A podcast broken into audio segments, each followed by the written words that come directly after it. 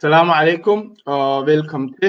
Øh, I dag er jeg sammen med Abdullahi Bashir, som er debattør fra Odense, og er sådan meget inden for politik.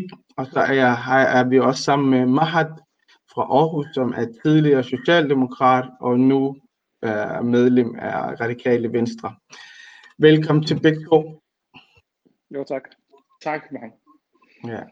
Hvis vi lige starter med Mahad. Øh, Mahad, øh, ud fra hvad vi kunne have læst og frem, så har det været sådan, at du har været medlem af Socialdemokratiet i 23 år, og så har du valgt at skifte parti her for nylig. Øh, kan du sådan redegøre for, hvad er tankerne bag det, og hvorfor du har valgt at skifte parti nu? Ja, øh, tak for at du inviterede mig herinde, Mohammed, for, for at tale om det her. Øh, jeg har været med i Socialdemokratiet i rigtig, rigtig mange år. Øh, faktisk har jeg ikke, øh, faktisk har jeg været medlem med det øh, over halvdelen af mit liv, øh, og har ikke været medlem af andre partier. Øh, og øh, nogle af de ting, der egentlig tiltrækker mig, dengang jeg blev medlem af det, det var øh, det hedder det, den daværende øh, miljøminister, øh, Svend Auken, øh, som, øh, som havde en, en, en, en meget øh, særlig måde at se verden på, øh, og have nogle, øh, nogle værdier, som, som egentlig tiltrak mig. Øh, og, øh, og det var egentlig årsagen til, at, at, at jeg med mig til. Og det er nogle af de der værdier, som jeg egentlig øh, gør faktisk, at, at det er sådan noget med, at det, at hvis man skal sige, det med et ord, så var partiet det lille mands parti, øh, kan man sige, at, at de øh, forsvarede, øh, øh, kan man sige, som, som jeg også har skrevet omkring frisind og ligeværd, at alle mennesker er lige i det her samfund her, og vi skal respektere hinanden. Så det var nogle af de der øh, særlige værdier, som jeg synes, der var, der var rigtig godt, og, og der også det der med at have, at alle har et, et ansvar for fællesskabet, lige meget hvor, hvor, man, øh, hvor man stammer fra. Øh, at man kan blive en del af det fællesskab også. Øhm, så det, det var noget, nogle af de der ting, der egentlig tiltrækker mig rigtig meget dengang. Øhm, og, øh, og man kan sige her på de senere år, øh, så er, føler jeg i hvert fald, at, at nogle af de der værdier der, den er, er øh, den er de, øh, den er de gået væk lidt fra. Øh, og øh, jeg har sådan forsøgt øh, at præge partiet, øh, kan man sige, øh, efter bedste evne og se, hvordan, hvordan kan vi komme tilbage til de der gamle dyder, som, som vi havde engang. Øh, men jeg må desværre erkende, at, at, at det, er, øh, det, har ikke, det, har ikke været, det, har det har ikke været muligt øh, at gøre det. Øh, og derfor så tror jeg, at konsekvensen også af, at øh, jamen, så er det måske ikke et parti, der er for mig længere, øh, selvom det har fyldt øh, rigtig meget af mit liv. Ja. Kan du så nævne et par eksempler, så folk er med på, hvad du snakker om? Altså den, den primære årsag øh, har været egentlig, øh, altså der er jo det her værdipolitiske aspekt af det, øh, og så er der også den realpolitiske øh, aspekt. Øh, og realpolitikken, det er de der love, altså konkrete love, som Socialdemokratiet mm. har været med til at, at, at vedtage, som jeg egentlig mm. synes har været øh, problematisk for mig i hvert fald, øh, med, mit, med, de, med de værdisæt, som jeg har som person. Øh, og, og nogle af de der kampe, som jeg har egentlig forsøgt at kæmpe, både før jeg kom ind og efter jeg kom ind i byrådet. Øh, mm. men, men, men det, jeg synes, der har været et særligt problem, det er, og det har stået på øh, i stykke tid i, øh, efterhånden, det er den der meget hårde retorik, som der har været over for øh, minoriteter i det her samfund her. Øh, og øh, og, og det er som om, at, at man hele tiden går ind i en, i en slags overbudspolitik øh, med højrefløjen. Mm. Øh, og jeg tror, Lars Løkke, han formulerede det faktisk meget godt her forleden, da jeg hørte ham radio, at det bliver bare et, et, et, en ræs mod bunden. Altså, så, så, så det er, at, at det er det, jeg synes, er, der er så ærgerligt, at, at, man, at vi er nået til det, til det sted, hvor at det bliver bare en slags, altså hvis der er en, der siger noget ekstremt, jamen, så skal den anden sige endnu mere noget, der er ekstremt, og så videre. Mm. Ja, men når, når man kigger lidt tilbage på Socialdemokratiets historie, så har der været den her splittelse øh, omkring det her med for eksempel udlændingepolitikken, hvor der er nogen, der har ment, at man skulle måske have ført et lidt øh, strammere udlændingepolitik. Og det er jo helt tilbage til 90'erne og 0'erne og sådan noget. Øh, er det anderledes nu, tænker du, end dengang? Ja, altså det, er jo, det er jo anderledes i den forstand, at øh, det er snart 30 år siden, der er gået. Altså det, du taler om, det er omkring, øh, kan man sige, øh, regeringstiden under Poul Liv Rasmussen. Øh, og der kan man sige, der stod Danmark jo i, i, i en position, hvor at der kom rigtig mange flygtninge og indvandrere til landet. Altså det, det kan man sige, hvis vi taler om, kan man sige, i vores øh, minoritetsgruppe, altså somalier, øh, så kom hovedparten af dem i 90'erne. Mm. Øh, og, og der kunne man sige, jamen, hvad skulle vi gøre der? Der var der et, et, et, et, et, et, et, kan man sige, et spørgsmål om, jamen skulle man stramme udlændingepolitikken, eller skulle man, øh, skulle man lade det være, som det var, osv. Mm. Øh, og dengang, der var Poul Nyrup jo meget konsekvent og sagde, at øh, vi skal være i stand til at kunne hjælpe øh, de folk, der har brug for vores hjælp, øh, og som flygter fra, øh, kan man sige, øh, forfølgelse og tortur osv. Ikke? Øh, mm. så, så på den måde øh, var det ikke var diskussionen anderledes dengang. I dag er det jo, der har vi jo nogen, der rent faktisk er anden, tredje generations indvandrere, øh, eller hvad hedder det, folk, der er født her i landet, opvokset her i landet. Mm. Og vi har en, en retorik, som, som svarer til, at, at, at, at vi, øh, vi følger højrefløjen i, i alt, hvad det er, øh, de ønsker. Og egentlig. Så, så det er den, jeg egentlig har svært ved at forstå. Den seneste kommentar fra statsministeren var at sige, jamen, øh, at, at, at det skal ikke være utrygt at, at være i S-togene øh, på grund af nogle indvandrerdrenge. Mm. Altså de der indvandrerdrenge, det er nogen, der er født øh, på Skyby, på Glostrup Hospital på, altså, jeg ved jeg ikke. Så, mm. så de er jo lige så danske som, som, som Jonas og, og, og, og, og Mathias. Øh, mm. så, og, og det er det, jeg synes er så øh, stigmatiserende, at man ikke kan gøre det bare på, over, over en, øh, en kamp og sige, at det, sådan er de alle sammen, fordi det løser bare ikke noget. Jeg, jeg er med på, der er nogle reelle sociale problemer, vi har ude i samfundet, og det er dem, vi skal løse. Men det er nu ikke noget, at vi tager udgangspunkt i identitet for at kunne løse dem, øh, som jeg synes, at man nogle gange har tendens til at gøre. Ja. Lige det sidste spørgsmål vedrørende dig som en person. Øhm, så vil der nogen, der vil sige, at, at du skifter parti er helt fint, men at du tager din mandat med er et problematisk. Det vil nok kalde det mandatteori. Hvordan har du det med det? Altså, jeg kan godt forstå det. Jeg kan godt forstå det, fordi jeg har jo helt klart, altså jeg har ikke trykket de der, øh, kan man sige, den mandat af mig selv. Det, det har jeg selvfølgelig fået. Det er jo folk, der har stemt på partiet, som også har, har været med til at stemme mig ind i, i, i byrådet. Det er jeg helt med mm. på, og det er også nogle overvejelser, som jeg også har gjort. Øh, men omvendt, så må jeg også sige, at der har også været nogle personer, som har stemt personligt på mig. Øh, så det ja. har været en overvejelse for mig at, at sige, jamen, øh, hvem er det, jeg prioriterer mest her? Og i sidste ende, så prioriterer jeg en af dem, der har, dem, der har stemt øh, personligt på mig, og fører dig sag ind i, øh, ind i byrådet. Og det er det, jeg gør, synes jeg. Yes. Hvis vi lige går videre til Abdullahi. Abdullahi, du har jo fulgt med i dansk politik i rigtig lang tid. Øhm, hvordan ser du Socialdemokratiet? Jamen, der er jo forskellen ved øh, det gamle Socialdemokrati og øh, øh den Socialdemokrati, som øh, vi ser øh, øh, nu til dags. Øh, der er den forskel, at dengang vi kom til Danmark, øh, der var Socialdemokratiet et helt andet parti, end den er i dag. Øh, der var nogle, øh, hvad kan man sige, nogle profiler i det Socialdemokratiske parti, som, som gjorde meget ud af, at øh, vi, skal have et, øh, vi skulle have et rumligt samfund. Øh, I dag er det meget, meget anderledes. I dag, øh, hvad kan man sige, fører Socialdemokratiet en, en meget stram udlandspolitik, øh, som mener meget om øh, højrefløjen. Øh, hvis du kigger på øh, de stramninger, der har været på udlandsområdet i de senere år, så har Socialdemokratiet stemt for 94 procent af de stramninger, der, der er blevet vedtaget i Folketinget. Øh, mm. nogle, nogle, nogle kommentatorer mener, at, at de faktisk har overgået Venstre. Øh, jeg vil nok sige, at de ligger nogenlunde, øh, hvad kan man sige, øh, samme, hvad kan man sige, øh, øh, øh, grad. Øh, men hvis du kigger på de specifikt de stramninger, der har været, øh, og de lov, der er blevet vedtaget, så kan jeg for eksempel nævne øh, smykkeloven, for eksempel, burkeloven, øh, ghetto-loven. Øh, de har også stemt for øh, paradigmeskift og så. Så det er, øh, vi ser et helt nyt øh, socialdemokrati, end den vi er vant til. Ja, men tænker du ikke, det har været nødvendigt for dem at gøre det, hvis de skal have magten? Fordi hvis du kigger tilbage på Poul Nyrup og måske også Morten Lykketoft, Lykketoft var det ikke det, hed? Øh, Mogens, Mogens Lykketoft. Mogens, Mogens Lykketoft, ja. Det har jo, det, det var jo meget sådan tilbageholdende og også sådan meget reserveret personer, og som altid snakket om, at man skal hjælpe mennesker, og der er visse problemer med, at man skal prøve at se det her mennesker og hjælpe dem der, hvor de er. Og den, den måde at føre politik på har ikke lykkes for Socialdemokratiet jo. Det er også derfor, at de har tabt i 2001, 2005, Så tænker du ikke, det har været nødvendigt for Socialdemokratiet at føre den her form for politik og retorik også?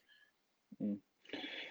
Øhm, du har øh, de vist ret i, at, øh, at en af grund til, at de har øh, tabt de seneste øh, to, øh, eller de seneste valg, det skyldes blandt andet øh, på udlændingområdet.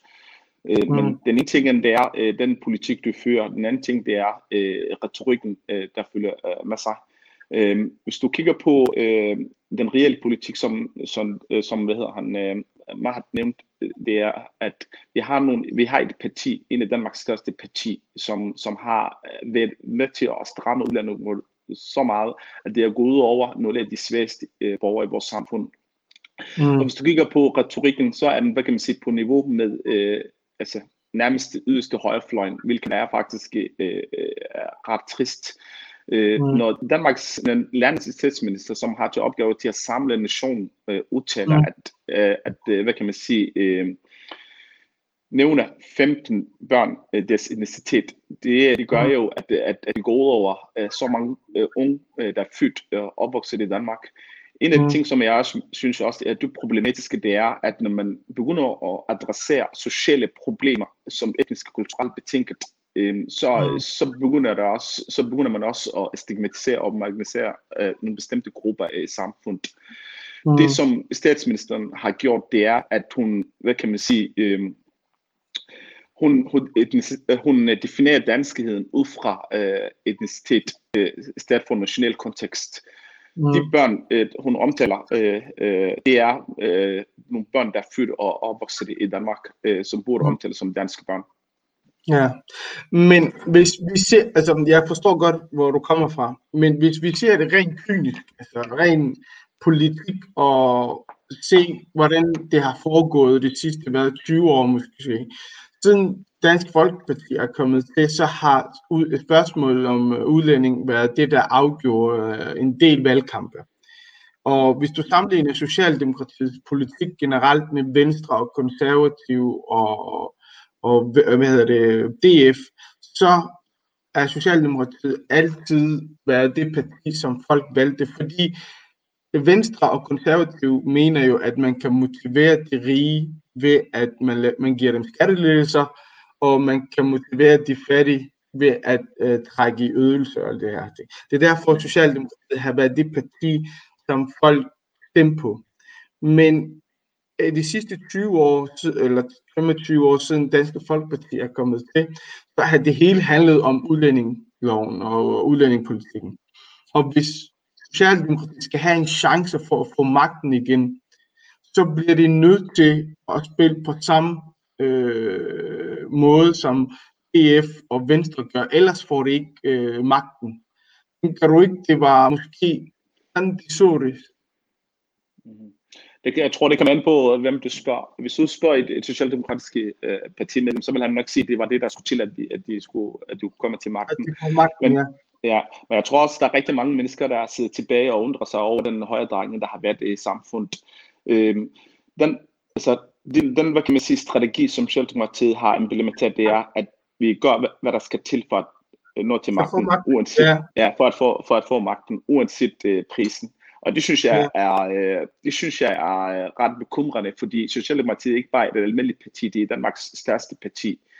Mm. Øhm, og når Danmarks største parti fører en, en, øh, en så stram politik, øh, udlandspolitik, ikke nok med det, men også har en, hvad kan man sige, en retorik, der kan måles med, med, med højrefløjen, så er det med til at, at gå ud over rigtig mange mennesker. Øh, og det kommer til at dør, lukke døren for, for de kommende generationer. Når fru Jensen, der bor øh, for eksempel på Nordjylland, når hun, hun forholder sig kun til det, hun læser i avisen og ser medierne. Når hun øh, siger, at øh, når hun læser i avisen, at Danmarks statsminister udtaler, øh, udtaler sig på den måde, så tænker så danner hun sig allerede et billede af, hvordan alle indvandrere unge er, og, øh, mm. altså unge med en minoritetsbaggrund er, og ikke dem, som, som har nogle udfordringer. Mm. Hvis jeg også spørger, spørger det samme, at øh, i forhold til den politik, der bliver ført, tror du ikke, det havde været nødvendigt for Socialdemokratiet at gøre det på den her måde, hvis de skal have forhåbninger om at have magten, og også beholde magten? jo, altså, så kan man jo så stille sig selv uh, spørgsmålet, fordi at, at, at et hvert parti er jo bygget på noget. Uh, og uh, den ældste parti, vi har i Danmark, er nogen i hvert fald en af de ældste, kan jeg ikke huske præcis, men det er jo Socialdemokratiet fra 1871. Der har mm. partiet eksisteret, og hele grundlaget for partiet var jo netop, som jeg startede med at sige, at man, det var i, i forbindelse med, at, at folk flyttede fra land til by, at der blev skabt en arbejderklasse i byen. Og, og på mm. den måde havde brug for noget stærkt fællesskab for at kunne holde sammen og, øh, og, og, og, og kunne modarbejde øh, kan sige, arbejdsgiverne. Mm. Øhm, og, og, og, det er jo, og det er derfor, jeg sagde tidligere, at det er jo bygget på, at det er et, et, det er et lillemandsparti, øh, som, som, som har, har egentlig kendetegnet partiet igennem al den historie. Mm. Øhm, og, øh, og det er også dem, der har bygget hele det her samfund her, som, som, altså det her velfærdssamfund, som, som, mm. som vi står i. Så, så er det jo dem, der har bygget lige, lige siden fra Torvald Stavning fra 1924, øh, deres første statsminister. Øh, så, så jeg synes, det er, hvis man kigger på de værdier, som de er bygget på, øh, jamen så er det jo lidt uforståeligt at, at sige, at vi vil tage prisen, øh, vi, vi, vi vil være, øh, kan man sige, øh, vinde, vinde magten øh, for enhver pris. Så, mm. så, så kan jeg ikke forstå, fordi så er det som om at sige, jamen så har vi ingen grænser for, hvad vi, hvad, hvad vi vil gøre, fordi den ene mand i dag er jo minoriteter. Øh, mm. Og nu kan jeg ikke huske, om det er, der sagde engang, men der var i hvert fald en klog mand, der sagde, at et samfund bliver vurderet på, hvordan majoriteten behandler deres minoriteter. Mm. Øh, altså magthaverne behandler deres minoritet. Mm. Øh, og det bliver problematisk, hvis det er, at de lige pludselig begynder at se, okay, alle samfundets problemer, jamen det kan vi øh, så at sige øh, indirekte i hvert fald, eller underforstået, det, det er ikke altid, man siger direkte, underforstået, at, at, mm. at det er minoriteters skyld. Øh, ikke? Altså, vi har jo set med coronakrisen, vi har jo set med de, kan man sige, med de der eksempler, som Abdullah har inde på omkring, øh, hvad hedder det, indvandring i S-togen og så videre. Ikke? Mm. Og, og, og, der bliver der bare skabt en præmis, hvor man siger, her er nogle øh, de rigtige danskere, og her er nogen, der laver problemer. Og den mm. præmis er jo et, en farlig glidebane at bevæge sig ud i, hvis vi skal den vej. Øh, og det er det, jeg synes, der er så brændærligt. Ja, men så, så vil der nogen, der vil sige, jamen hvad nytter det at have alle de rigtige værdier, uden at man får magten? Det er selvfølgelig rigtigt nok. Men så skal man jo så skal man jo sige, at hvis man er villig til at gå så langt, øh, jamen så skal man også øh, være sikker på, at man kan gå så at sige hele linjen ud. Og det, og det er jo det, jeg synes, det er, altså, som, som jeg egentlig har siddet og, og været, været usikker på i lang tid, fordi hvis, at, at jeg selv, hvis vi går ind i det her overbudspolitik, hvor står mm. det henne? Hvor er det, det står ja. henne? Altså, det, det er det, der er spørgsmålet. Ikke? Altså, øhm, mm. og, og, og, og der, det vil jeg i hvert fald ikke være med til at se, hvor det ender hen, så skal være helt ærlig. For det, men det, er, det, er det socialt, men, men er det socialdemokrat, hvis jeg lige stiller lidt sidste spørgsmål her, er det socialdemokratiets problem, eller er det et samfundsproblem? Fordi i bund og grund, det er vælgerne, der afgør, øh, hvem de stemmer på. Og hvis vælgerne vil gerne have en strammere udlændingepolitik, og, og, og at en, den form for retorik, som både DF og Socialdemokratiet og Venstre fører, så er det politikernes problem så, eller, eller er det et samfundsproblem? Fordi hvis Socialdemokratiet ikke gør, hvad vælgerne vil have, så kommer de jo ikke til magten. Jamen, så kunne jeg måske, undskyld, Abdullah, så kunne jeg måske sige, Nej, okay. hvorfor, hvorfor er det, at vi bliver politikere? Altså, hvorfor er det, det er jo det, jeg sagde igen med, altså, mm. lad os starte med at sige, grunden til, at jeg blev gå i politik, det var, at der var nogle idealister i den gang. Der var nogle folk, politikere, der sagde, det er det, jeg tror på. Det er det, jeg, jeg, jeg står for. Om jeg mm. bliver valgt på det eller ej, det er, ikke, det, det er op til vælgerne. Ikke? Yeah. Og det er det, jeg synes, at man er gået væk fra, og det er det, jeg synes, man skal gå tilbage til at sige. Altså, jeg er ret sikker på, at der er nogen tid, som, som, har, som stadigvæk tror på det, men, men, men som vil gerne blive genvalgt. Og det, jeg siger, det er jo ikke det, er ikke det der skal definere. Øh, altså, øh, sandheden skal nok komme frem på et tidspunkt. Vi skal, altså, Øh, og alt det, øh, kan man sige, DF eller Nye Borgerlige, hvad det nu hedder nu om dagen, det er jo symbolpolitik i sidste ende. Altså, øh, ja. altså Nye Borgerlige siger, at vi skal ud af det hvad hedder, konventionerne. Det er der ikke ja. rigtig nogen, der tror på. Yes, Abdullah. Altså, jeg må nok sige, at, at, at politikerne har et, et, et særligt ansvar, øh, hvad angår, øh, hvilken retorik øh, hvad det, de bruger. Øh, når politikere øh, prøver at overgå hinanden hele tiden øh, med deres retorik, hvad angår øh, udlændingområdet, altså udlænding af minoriteter i Danmark, så er det med til at forstærke nationalismen, hvilket er farligt. Det er en anden ting. En anden ting, det er, det, det, det, selvfølgelig er det rigtigt, at der har været, hvad kan man sige, en, en, en tendens i det danske samfund i de senere år øh, på udlandsområdet, hvor flere mennesker efterspørger øh, en strammet udlandspolitik. Øh, mm. Men spørgsmålet er så, øh, hvor er, altså, hvor er balancen, ikke? Altså, hvor skal man finde balancen, ikke? Når man, har, når man er politiker, så har man et ansvar overfor alle borgerne, øh, alle borgere i, i Danmark. Derfor er det vigtigt, at man er på passen med, hvordan man udtaler sig, og hvad er det man, og hvilket, hvad kan man sige, lov man indfører. Den ene ting, det er, at retorikken, den anden ting er, de lov, der indfører. De lov, man indfører, det er noget, der kommer til at have nogle vidtgående konsekvenser øh, for, for nogle mennesker. Øh, så hvis man ikke virkelig tænker sig om de lov, man indfører, så, øh, så, har det, så giver det nogle, hvad kan man sige, udfordringer på længere sigt. Ja, men, men jeg tænker jo, altså, det er fint at have rigtig gode værdier og stå ved det. Men hvis du ikke bliver valgt på det, fordi man, hvis man går tilbage til for eksempel Helle Tony Schmidt, øh, inden hun kom til magten, hun snakkede om tørklæde piger og alle det her ting. Går du tilbage til øh, Mogens Lykketoft, han sagde, at ja, at, øh, at Danmark har brug for pusterum, og måske skal man kigge på, hvor mange man lukker ind, men altså, der var nogle ting, han ikke ville gå på kompromis med øh, som en person også. Men så tabte han valget jo. Så tabte han valget øh, til Venstre.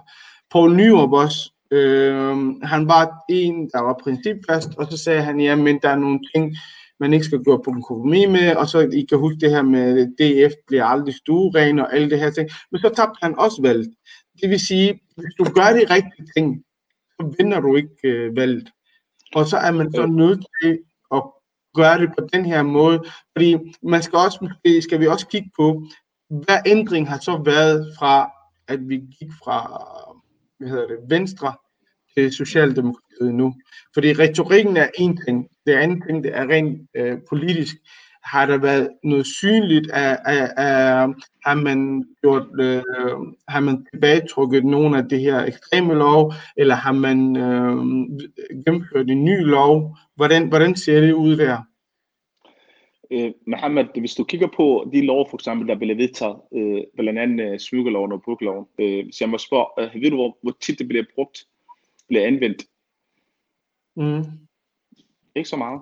Øh, ja. Og det er et tegn på, at det er ren symbolpolitik. Mm. Ikke? Det er udfordringer. Øh, der findes ikke en land i verden, som ikke har nogen udfordringer. Alle lande har udfordringer, men alene øh, øh hvad hedder det, inflationsområdet er ikke, hvad kan man sige, retfærdigt ikke at indføre lov, der ikke giver mening.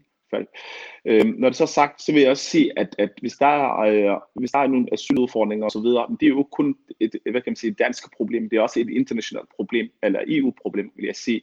Hvis man gerne vil løse øh, asyludfordringerne rundt omkring verden, øh, hvad hedder det, i Europa, så er man også nødt til at, at alliere sig med de andre lande, øh, europæiske lande, øh, fordi de ting, der sker rundt omkring i verden, det har, hvad kan man sige, Europa har også, hvad kan man sige, et ansvar for at bidrage til, at der kommer nogle, hvad kan man sige, permanent løsninger. Så det, der, det her, det er ikke, det er ikke bare kun, øh, hvad kan man sige, øh, øh, hvad kan man sige, nogle asyludfordringer, det handler om. Det handler om, hvad kan man sige, det større ansvar, øh, som de samtlige lande i EU skal tage, hvis de udfordringer, som, som mange politikere øh, i Danmark nævner, øh, skal løses. Men spørgsmålet er jo, siden øh, Socialdemokratiet kom til magten, har det været værre end Venstre? Har det været bedre end Venstre? Hvordan, hvordan er situationen rent politisk så? Måske skal vi spørge Mohat, hvis det er. ja, men altså, det er jo, du skal huske på, at, at, at, at, at der er jo to blokke i dansk politik. Der er jo en borgerlig blok, og så er der den, øh, den røde blok. Øh, mm. Og, øh, og hver blok har deres, kan man sige, øh, yderpartier. Øh, borgerlig blok i, i form af Nye Borgerlige og Dansk Folkeparti, og, og den røde blok i form af Enhedslisten. Så det vil sige, at hver gang der bliver etableret en, en, en, en form for øh, regering, øh, om det så bliver en, en koalitionsregering, eller om det bliver en, øh, en, øh, en kan man sige, etpartisregering, som det er her i tilfældet, øh, jamen så er det jo, kan man sige, støttepartierne, der er med til at trække øh, parti, hvad hedder det, regering i deres retning. Det vil sige, Øh, I det her tilfælde er det jo så nogle af de her love, som øh, Enhedslisten og det radikale for eksempel ønskede at, at omgøre. Noget, der har kunnet lade sig gøre, øh, har været, at, med, at øh, for eksempel børnene i Sjælsmark, de skulle ud af, hvad hedder ud af Sjælsmark, og, øh, og det kom jo ind i øh, det, der så øh, hed dengang øh, forståelsespapiret, hvor at man, øh, man blev enige om, at, at de skulle ud af, af centret, og det er de så i dag. Øh, mm. Og så kan man så spørge, er det nok? Øh, jamen, der er stadigvæk tre år, øh, kan vi sige, øh, til det næste valg, så det kan godt være, at der stadigvæk øh, vil være øh, en, en mulighed for at trække regeringen i en anden retning, og, øh, og måske omgøre nogle af de her symbolpolitik, som, som egentlig ikke har, som Abdullah siger, som ikke har betydet særlig meget, udover at, at, at det, det, ikke bliver, ikke bliver anvendt. Øh, det eneste, det er, det, de, har, de har hjulpet, det er at vinde, øh, vinde valg på, uden rigtig at ændre noget på samfundet. Abdullah, samme spørgsmål. Er der sket en forbedring, siden Socialdemokratiet til, eller hvordan ser du det? Altså, der bliver i hvert fald ikke indført nye lov. Øh, der er blevet oprettet det, det man kalder øh, hjemsendelsesstyrelsen. Øh, jeg ved ikke, øh, jeg ved ikke indtil det er så noget helt nyt, øh, men retorikken har ikke sådan ændret sig øh, ret meget. Øh, jeg synes det er som om, at, det, at siden at hvad kan man sige, højrefløjen er kommet i opposition, at de Socialdemokratiet prøver hele tiden at, at, at hvad kan man sige, øh, overgå øh, øh, højrefløjen. Så på en retorisk plan øh, er det det samme, hvis ikke bliver værre, men på lov, øh, lovgivningsområdet er der ikke rigtig sket noget nyt som sådan. Ja, men igen, hvis nu vi analyserer det her uden følelser, og så kigger på det så objektivt som muligt. Øh, Socialdemokratiet har været Danmarks største parti i rigtig lang tid. Øh, så i slutningen af 90'erne er det begyndt sådan at miste magten. Og grund til, at de mister magten, det er jo fordi øh, øh, DF og Venstre og Konservativ vi indfører strammere udlændingelov, eller udlændingepolitik. Det, det, har så, det har så været årsagen, det de har tabt den øh, øh valgkampene. Så det havde jo, de stod jo for et valg for at finde ud af, okay, hvad skal vi så gøre her? Fordi rent politisk, når du går ind og kigger på Socialdemokratiet og de andre partier, for eksempel Venstre og Konservativ, de kan ikke måle sammen med, hvad hedder det, Socialdemokratiet, fordi det eneste, de er interesseret i, det er jo skattelettelser, dem fra øh, Konservativ og Venstre men de har udlændingepolitikken. Og for at de kan få magten igen, som jeg sagde tidligere, de bliver nødt til at, at, at, gå, at konkurrere på det niveau, der er jo. Og hvis de ikke gør det, så kommer de ikke til magten. Det er jo, det, mm. og så er der forskel på rent retorisk, hvad man siger, men lovgivningsmæssigt. Der er jo der blev ikke indført en ny lov, skal vi huske på. Mm. Det vil sige, det var nødt til at spille med, eller jeg vil ikke mm. sige spille med, men det var nødt til at køre den stil for at få magten, fordi jeg tror heller ikke, det er tilfældigt, at det er Mathias Desvej, der er integrationsminister. Fordi alt, hvad der kommer ud af ham, det er... Så, så kan du ikke se logikken bag det, Abdullah? Nu, altså nu skal du tænke på, at der er tre år tilbage, ikke? Øh, men ja. dog, så der er lang tid endnu. Øh, ja. Men jeg tror også, at en af grunden til, at der ikke blev indført en ny lov, det er fordi, at, at Socialdemokratiet kan jo gennemføre noget alene. Altså det har brug for øh, de andre partier øh, på venstrefløjen. Så, så jeg tror, så længe øh, nogle af de her øh, partier, der er på venstrefløjen, er Socialdemokratiet afhængige af, så bliver det nok svært at indføre med mindre. Men det, det laver, med mindre, nej, det behøver det ikke. Det, ved, det, det er jeg godt klar over. Spørgsmålet er ja. så, hvor langt de andre partier øh, kan, kan gå med til øh, den hvad kan man sige, stramning, øh, udlandspolitikken, som til står for. Det er så den ene ting. Hvis du kigger på øh, nullerne, så har for eksempel øh, i forhold til det, du nævnte det der med, øh, det var det måske, der skulle til, at de kommer til magten. I nullerne har øh, udlændingområdet, udlændingområdet været en af de områder, som, som vælgerne prioriterede rigtig meget højt. Men mm. det er det ikke længere. Øh, hvis du kigger på det seneste valg, øh, så har udlandsområdet, jeg tror, det har ligget, jeg er ikke 100% sikker, men øh, nummer 4, tror jeg. Så, så, så der har været nogle andre ting, der har også været, øh, hvad kan man sige, afgørende øh, det seneste valg. Jamen, kan man ikke sige grund til, at det ikke var så afgørende, fordi partierne var enige? Der var jo ikke noget... Socialdemokratiet vil gerne fastholde den øh, stramme udlænding øh, så der var ikke noget, altså, og Venstre vil gøre det samme, så der var ikke noget at diskutere der, de var jo enige. Det er derfor blev den øh, nedprioriteret, eller ikke nedprioriteret, men det kom længere ned på listen. Fordi hvis Socialdemokratiet og Venstre var uenige, om øh, udlændingepolitikken, så havde det været nummer et jo. Men fordi de, ved, øh, vedtog det samme lovgivning og var enige om det hele, så var der ikke grund til, at øh, det var det, der skulle afgøre det jo. Mm. Jeg tror, det har altid været sådan i Danmark, at efter, hvad kan man sige, en blok har ledet landet i en del år, så træng folk til at prøve noget nyt. Jeg tror, at folk var lidt træt af uh, højrefløjen og den politik, det førte. Jeg tror, der, der var mange, der sådan, øh, altså efterspurgt øh, noget forandring. Jeg tror, en, øh, jeg tror, det var en af en væsentlig årsag til, at, øh, at Socialdemokratiet kom til magten. Og selvfølgelig har også øh, udlandspolitikken har haft øh, meget, øh, noget at sige, øh, men jeg tror ikke, det har været det, det alle. Øh, du skal også tænke på, at øh, uligheden har stiget rigtig meget i, i det danske samfund i, i den tid, som den blå, øh, den blå blok har ledet øh, landet.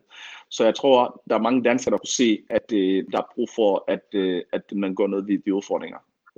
Er, er du i det, Mahat? Jamen, der, der er til dels. Øh, altså, der er ingen tvivl om, at, at, at det har der jo altid været, at øh, altså, politik består jo også som både af værdier, men det står også og særligt også af, af strategi, øh, om hvem der kan lægge den bedste strategi for til at vinde valget. Øhm, og, øh, og, og der er en grund til, at, at der er langt, langt, langt flere øh, kommunikationsmedarbejdere, som også bliver kaldt øh, spindoktorer nogle dage, som er ansat ja. i dag, end der, end der var bare for 20 år siden. Og, og det er jo fordi, mm. at, at, at man netop prøver hele tiden at spille nogle historier, øh, øh, således at, at man kan folk øh, med på, det her, kan man sige, på den idé, som man nu har. Ikke? Mm. Øh, så, men altså, det, er jo, det er jo meget klassisk, altså, at, at, at øh, borgerlige partier, de vil jo altid forsøge at, at, at, øh, hvis de får regeringsmagten, jeg synes, så bliver det trukket mere højere, fordi altså, prøven kommer jo hvert år omkring finanslovsbehandlingerne. Mm, det er jo der, øh, kan man sige, det er jo der, der har været øh, de, de, her største øh, øh, øh, kan man sige, ændringer i loven, der har været der, fordi at det er der støttepartierne har en, en, en fest. Øh, og der må man sige, at Dansk Folkeparti har været vældig gode til at, at presse den tidligere regering til øh, og, og, og have kan man sige, noget for noget. Altså at hvis de skal lægge stemmer til finansloven, jamen så skal det have noget til gengæld den anden vej. Øh, og det har de været rigtig, rigtig gode til. Øh, og på samme måde kan man jo så sige, at, at, at nu har Socialdemokratiet jo fået magten, jamen så vil, vil jo også deres støttepartier jo også prøve at trække dem i den retning. Så det er en meget naturlig del af demokratiet, at man, man giver og tager i tiden. Øh, men, men det jeg sådan øh, synes, der bare er forsvundet i mellemtiden, det er den der ansvarlighed overfor, at, at, at man er at man også skal være øh, især hvis man er i hvert fald øh, regeringsparti, øh, at man skal være øh, forbillede, at man skal være samlende for hele nationen, og man ikke skal hoppe på øh, de her strategiske, øh, som jeg også kaldte overbudspolitik, ikke? Øh, at, at mm. man kan, kan være lidt mere besindig. Øh, og Men det er det, jeg synes, der er... kan man ikke sige, at de idealer, de eksisterer ikke mere? Fordi hvis folk tænker sådan, jo, så har Poul Nyrup vundet, så har øh, Mogens Lykketoft vundet. Øh, det, altså, det, det eksisterer ikke mere. Nu handler det om at være så kynisk som muligt og tænke på, hvordan kan jeg få magten, koste hvad det vil. Kan man ikke sige det på den måde? Jo, jo, men det kan man godt. Men så skal man bare være opmærksom på, at det, er, at det har en pris ude i samfundet. Altså, mm. det man siger, uh, det man siger det, det har nogle direkte konsekvenser, der kan aflæses ud af de forskellige, øh, altså lige meget om det er klima eller udlænding, altså, hvilken politik det nu er. Ikke?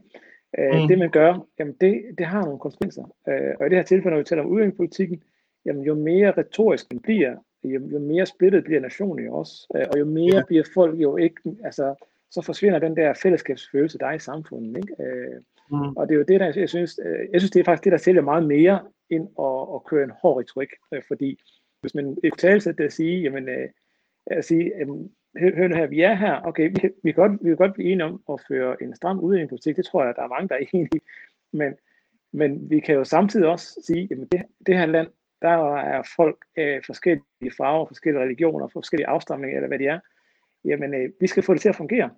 Kan vi ikke mm. arbejde fælles om det? Det tror jeg, er, vil have været et meget stærkere budskab, fordi øh, det med hele tiden at tryne et, et, et, et, et, et, et, et bestemt befolkningsgruppe, det tror jeg ikke, det, det på længere sigt er gavn om nogen. Altså hverken det store fællesskab eller, eller minoriteter i det hele taget. Ikke? Så. Okay. Abdullah, hvad er det for nogle muligheder har vi så som vælger? Fordi øh, hvis det ikke bliver Socialdemokratiet, så bliver det jo Venstre jo.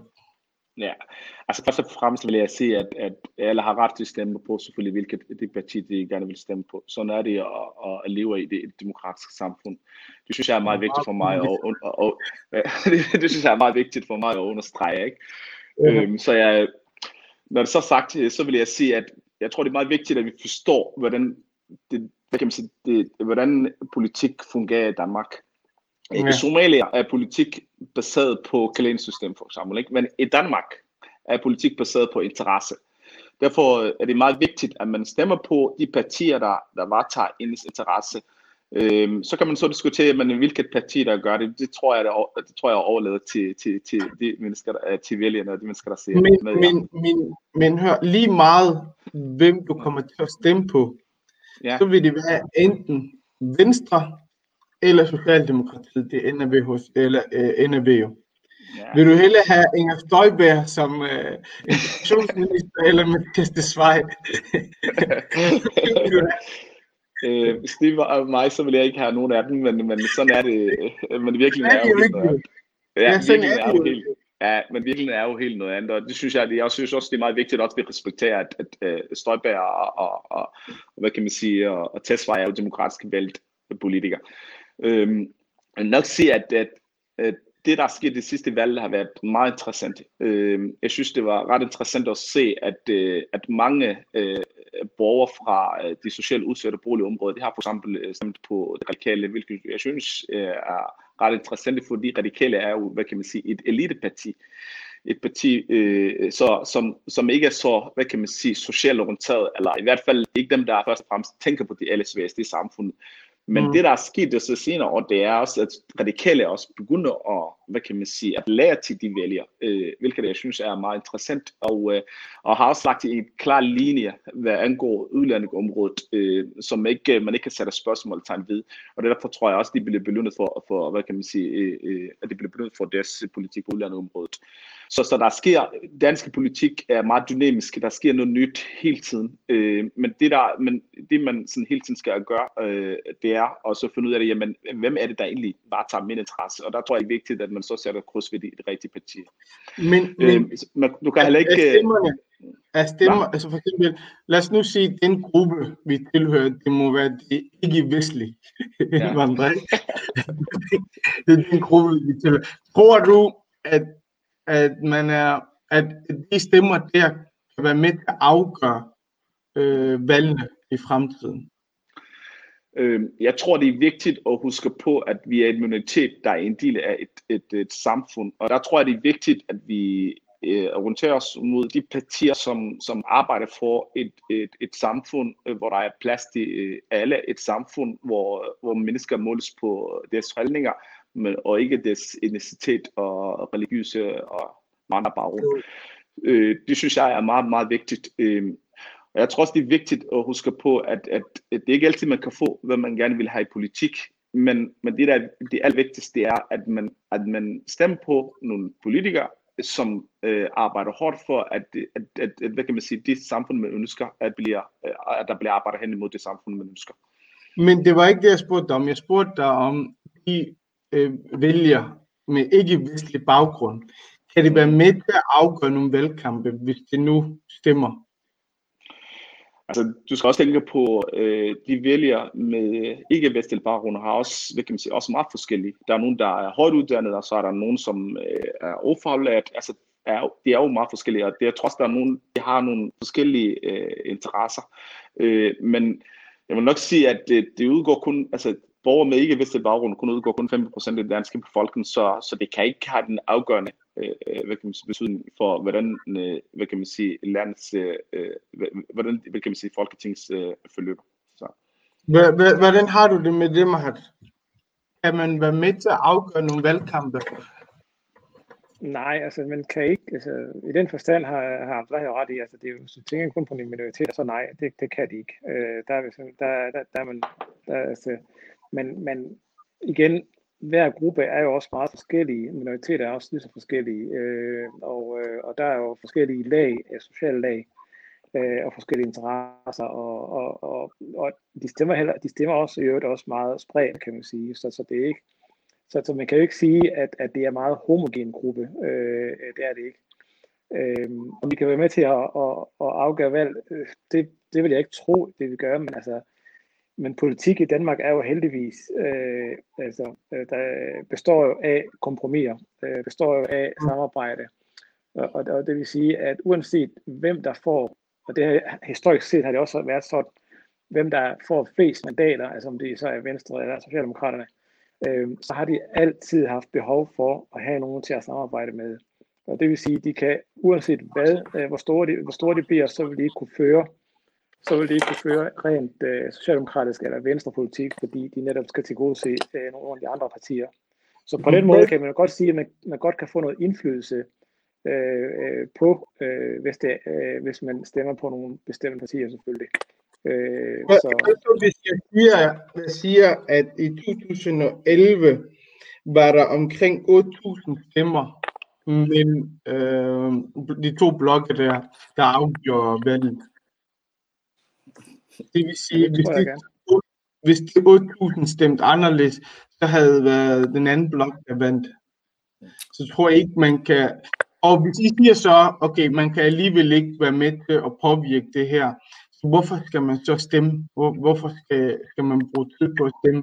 Fordi man vil jo altid øh, prioritere, hvem, øh, partierne prioriterer jo selv, hvem er det, de vil gerne gå noget ved først. Og så man jo alt, hvis man ikke kan være med til at afgøre nogle valg, så er man jo dem, der bliver ned. Er det 8.000 i alt? Men, ja. Men Mohammed, når man stemmer, så er det fordi, man, altså, man gør det jo for at øh, deltage i demokratiet, og hvis man ikke, har, hvis man ikke øh, stemmer, så skal man heller ikke brokke sig. Ja, jeg tror ikke, folk de stemmer, fordi vil gerne deltage i demokratiet. De stemmer for at få noget. Ja, øhm, Øh, ja, det tror jeg ikke. Jeg tror, det, det alle, alle vigtigste selvfølgelig er jo, at man, at man er med til at vælge de mennesker, der skal repræsentere ind i Folketinget. Det, det er jo sådan, at øh, fungerer i det demokratiske samfund. Men generelt har det været sådan, eller før i tiden har det i hvert fald været sådan, der, er, der var ikke ret mange øh, borgere med minoritetsbaggrund, der er stemt. Men hvis du kigger på det seneste valg, så har der været en markant øh, stigning, hvilket er virkelig godt. Og jeg tror også, det kunne man også se, øh, øh, hvad kan man sige, øh, øh, sam, hvad hedder det, alle de politikere, der kommer ind i, i Folketinget. Men Abdullah, det er jo ikke helt rigtigt. Folk stemmer ikke, fordi de vil deltage i det, det demokratiske proces. De stemmer, fordi de vil jo gerne have deres parti, eller hvem nu det er, der vinder jo, eller hvem der arbejder for deres interesser, der vinder jo. Ja. Hvis man ved, at dem, der varetager din interesse, ikke kommer til at vinde, eller hvis din stemme ikke kommer til at have en afgørende betydning, så kommer man ikke ud og stemmer jo. Men uh, Mohammed, politik er baseret på give and take it. Altså, politik, politik er baseret på kompromisløsninger. Altså, hvis du, uh, hvis du stemmer på et parti, så er det ikke sikkert, at du får alt det, du gerne vil have. Men du kan få nogle ting, som du kan være tilfreds med. Det er så en anden ting. Øhm, mm. Men hvis man har forventninger om, at bare fordi man har stemt på, øh, stemt på et parti, at de, hvad kan man sige, uh, de kommer til at gennemføre alle de ting, man gerne vil. Eller ikke alle de ting, men noget, altså, fordi ja. jeg kan huske enhedslisten, ja. øh, radikale venstre, og måske også det alternativt. Ja. Det, det er jo dem, altså ikke vestlige indvandrere, typisk stemmer på. Ja. Og jeg kan jo ikke se, at de har sådan rigtig tydeligt har været med til at tilbagetrække nogle af de her lovgivninger eller ændre noget? Jeg tror, at hvis du kigger på, øh, altså nu har jo rigtig, der er rigtig mange øh, indvandrere, eller borgere med minoritetsbaggrund, vil jeg sige, som har stemt på øh, de partier, du nævner. Og, øh, og jeg synes, det, nogle af de, jeg kan nævne nogle af de ting, for eksempel, det har gjort, siden de er kommet ind i Folketinget. Øh, mm. øh, for eksempel Sjælsmark, det var jo en billet på Danmarks kort. Det var børn, der havde der havde det svært. Øh, nu er Sjælsmarkedet, hvad kan man sige, blevet lukket, og det var en af de ting, de, de krævede, øh, hvad kan man sige, støttepartierne, hvilket jeg synes var rigtig godt, at de gjorde det, og de lykkedes. Øh, hvis du kigger på, øh, det, altså politik, det handler ikke kun om os øh, minoritets, øh, det handler også om, hvad kan man sige, de øvrige borgere i samfundet, majoriteten også i samfundet. På socialområdet for eksempel, ikke? der har man også kigget på kontantloftet og, og så videre. Så der har været nogle gode, hvad kan man sige, øh, nogle gode ting indtil videre, øh, som blev vedtaget øh, ved hjælp af de øh, hvad kan man sige, de øh, partier, som, som mange minoritets, øh, mange minoritetsborgere har stemt på. Mahat, du var ved at sige noget? Ja, det var fordi, øh, jeg vil gerne vil sige, at det har betydning for den måde, øh, man stemmer, fordi noget af det, der var meget afgørende i det her valg her, det var jo faktisk øh, klimadagsordenen. Øh, den er faktisk nummer et i forhold til, hvad folk synes, der er vigtigst øh, i forhold til øh, at, at stemme. Og øh, der havde forske- øh, partierne faktisk nogle forskellige øh, holdninger til det. Øh, Enhedslisten og jeg tror det var radikale, jamen de havde en, øh, et, et, et, et, hvad hedder det, et forslag om, at øh, der skulle reduceres med 70 procent af de her CO2-udledninger, for eksempel. Øh, og det var Socialdemokraterne ikke med på i starten. Men under forhandlingerne, så, så kom vi jo faktisk frem til, at der skulle være de her 70 øh, procents reduktion øh, i CO2-udledning. Så på mm. den måde kan man jo godt sige, at øh, hvis man stemmer øh, på, på de mindre partier, jamen så kan det jo godt gå hen og give nogle resultater også øh, i, i, sidste ende. Mm. Men jeg kan jo komme med et eksempel. Hvis jeg er en borger med ikke-vestlig baggrund, og jeg bor i en af de såkaldte ghettoer, øh, og man er ved at, vil, eller hvad hedder det, øh, man er ved at tvangsflytte mig fra der, hvor jeg bor, øh, måske også tvang nogle, øh, mine børn i nogle institutioner, så er jeg nok ligeglad med klimaet jo. Så vil jeg tænke på, hvordan at de her politikere være med til at forbedre min øh, hverdag. Kan ja, men, men, men, du, ja, men du, du, spurgte, du spurgte mig, om, om, om man kan flytte nogle, øh, nogle af dagsordenen her.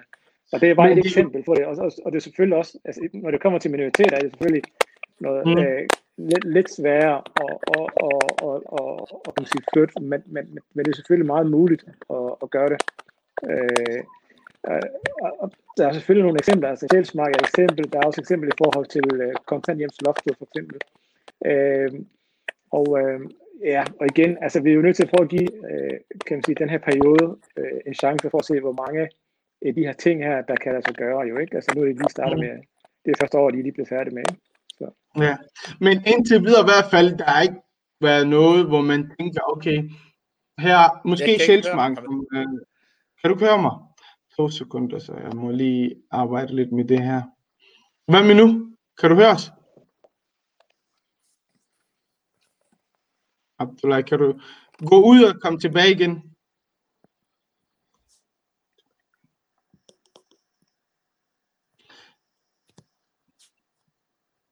Jeg kan ikke også med.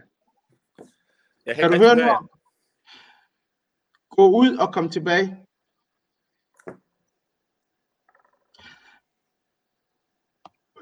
Var der, er der noget, fordi man skal jo altid se det fra der, hvor man er. Hvis det eksempel, jeg kom med, med en, en med øh, en minoritetsbaggrund, minoritetsbaggrund, som har stemt på radikale venstre eller enhedslisten eller alternativ, som håber på, at noget af det her stramninger bliver taget tilbage, eller, eller noget i den stil. Hvad har, hvad har jeg fået ud af det? Altså, hvad har jeg fået ud af at stemme hvis noget af det her ikke blev trukket tilbage, for eksempel. Ja. Nå, jeg kunne selvfølgelig ikke høre jer, men... Øh, okay. Kan du høre nu? Kan du høre os nu? Ja, nu kan jeg godt høre jer. Ja. Okay. Øh, jeg prøver lige at stille et spørgsmål, så han kan høre det også. Øh, ja, spørgsmålet er jo, hvad, hvis, hvis jeg er en med en minoritetsbaggrund, som bor i de såkaldte kulturer, og jeg skal til at stemme. Hvorfor skal jeg stemme? Hvor, øh, hvor, hvad er, fordi når, man, når vi snart, vi I sagde jo, at øh, vi er ikke så mange, vores stemmer betyder ikke så meget, eller ikke så meget, men det kommer ikke til at kunne afgøre noget. Så, og hvorfor skal jeg så stemme, hvis klimaet og alle de andre ting er i første prioritet, end der, hvor jeg bor og mine børn? Altså, man kan, jeg, jeg synes, man skal gøre to ting. Altså, der, den, er, den er lidt to todelt, fordi Mm. Altså hvis man forventer, at, at man går ned på valgdagen og stemmer, og siger, jeg har stemt, og jeg har gjort min pligt, og så venter jeg på resultatet, så kan det godt være, at måske man bliver skuffet over det selvfølgelig. Det er den ene del. Øh, øh, den anden del, øh, og, ja, og det man kan gøre i det her i det tilfælde, det er jo faktisk at involvere sig i politik, hvis man virkelig vil gerne have en forandring. Jamen, politik er jo en kamp om vælgere. Det vil sige, hvis du kan gå ind i en politisk parti og præge, hvad andre tænker om en, jamen så kan du arbejde for, at du kan få, ud over din egen stemme, kan du få flere andre med til at, at stemme. Og det kan være med til at afgøre nogle, kan man sige, nogle, øh, nogle valg på den måde. Men hvis du så siger, jamen jeg har kun én stemme, og hvis der er tilstrækkeligt, øh, kan man sige, øh, dem jeg er enig med, der stemmer i en retning, øh, hvad hedder det, øh, om det kan afgøre, muligvis, det ved vi ikke, Men det, at der ikke kan afgøre, det er, hvis du får mobiliseret en hel del folk øh, til at stemme, eller til at tro på den sag, som du selv tror på, så tror jeg, at det, det vil rykke en hel del. Og det er den del, vi skal have, have, have engageret. Og den anden del, det er jo også i forhold til... Nej, kan du sætte ind på lydlys? Fordi du er ved at skrive, kan jeg høre. Nå, men jeg ved ikke, hvad, problemet er. Du, du kan godt sætte, uh, sætte det på lydlys, jo. Eller jeg kan gøre det for dig. Ja. Yes, Mahat, fortsæt. Og, og så den anden del, det handler om, det er selvfølgelig, når man har været ud at stemme, øh, og afgive sit stemme til et parti, øh, som skal varetage ens interesse, jamen de er jo faktisk, øh, øh, de skal jo indordne sig ind under den her parlamentariske sammensætning af partier, som der er, altså mandatfordeling. Det vil sige, det betyder ikke, at de ikke vil, øh, at, at, at de, de ikke kan opnå resultater. De vil arbejde for at repræsentere dine interesser, for at de kan nå den, fordi grunden til, at du i det hele taget har stemt på dem, det er på grund af deres holdninger. Øh, mm. Og deres holdninger er jo, øh, vil de jo gerne udføre, øh, kan man sige, øh, bliver vedtaget. Men det kræver mm. som sagt, at, at, at, at de kan samle 90 mandater, for at det kan, at det kan blive vedtaget. Og det er jo så en proces, man er nødt til at have tålmodighed til, at, at, det, er, at det skal ske, for det er jo trods alt demokratiet, der arbejder, kan man sige. Ikke? Ja. Øh, hvis vi lige hurtigt skifter emne øh, i forhold til kommunalvalg og folketingsvalg, kan man, kan man stemme anderledes? Altså kan man stemme på et parti her og stemme anderledes til kommunalvalget og omvendt? Abdullah, vi kan godt starte med dig. Jeg har nogle uh, tekniske udfordringer, Mohammed. Jeg ved ikke hvorfor, men... Uh, uh, to sekunder.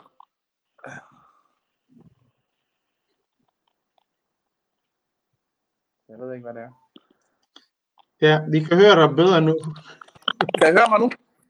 Ja. Ja. Det er rigtigt, der findes nogen, nogen som, som stemmer på øh, anderledes øh, fra Folketinget til kommunalvalget. Øh, og jeg tror også, det er sådan lidt afhængigt af, jeg tror mere, altså kommunalvalget er lidt mere, øh, hvis vi prøver at være lidt objektiv, øh, fordi jeg ved, at der er også mange øh, hvad kan man sige, politikere som elsker baggrund, der stiller op de forskellige øh, partier. Øh, øh, så jeg tror, hvis jeg prøver at være lidt objektiv i forhold til det, eller det skal jeg jo være, øh, når jeg nu er blevet inviteret som, som øh, debattør. Øh, der er mange, øh, selvfølgelig, altså, jeg vil nok sige, at kommunalpolitik er meget personpræget. Øh, øh, altså, det er, der er mange, der stemmer, øh, no. Der er mange, der stemmer anderledes, end de stemmer øh, hvad det, øh, til folketingsvalget. Ja. Øh, sådan. Men det, man skal også altid huske på, det er, at der er altid sammenhæng øh, national politik og kommunal politik. Øh, det, som, som øh, politiske partier vedtager i Folketinget, det er det, der bliver implementeret øh, lokalt. Øh, det synes jeg, det, er, og det, det skal man også huske. Men selvfølgelig er der nogen, der som stemmer øh, anderledes. Ja, men hvad, øh, hvad siger du til det? Ja, jamen, altså, jeg er jo i, i langt hen ad vejen enig med Abdullahi. Øh, og det er jo, øh, kommunalpolitik handler om, øh, om personer. Øh, og, øh, og det er, det er man, man kan sige, at det er faktisk den direkte demokrati, øh, lokalpolitikken, fordi det er jo der, du rent faktisk godt kan se, hvad det er, øh, din stemme den går til. Øh, mm. Så på den måde kan man sige, at, at, at, at det er en meget personbåret øh, afstemning. Det er, om man kan lide en person eller ej, for at være groft sagt.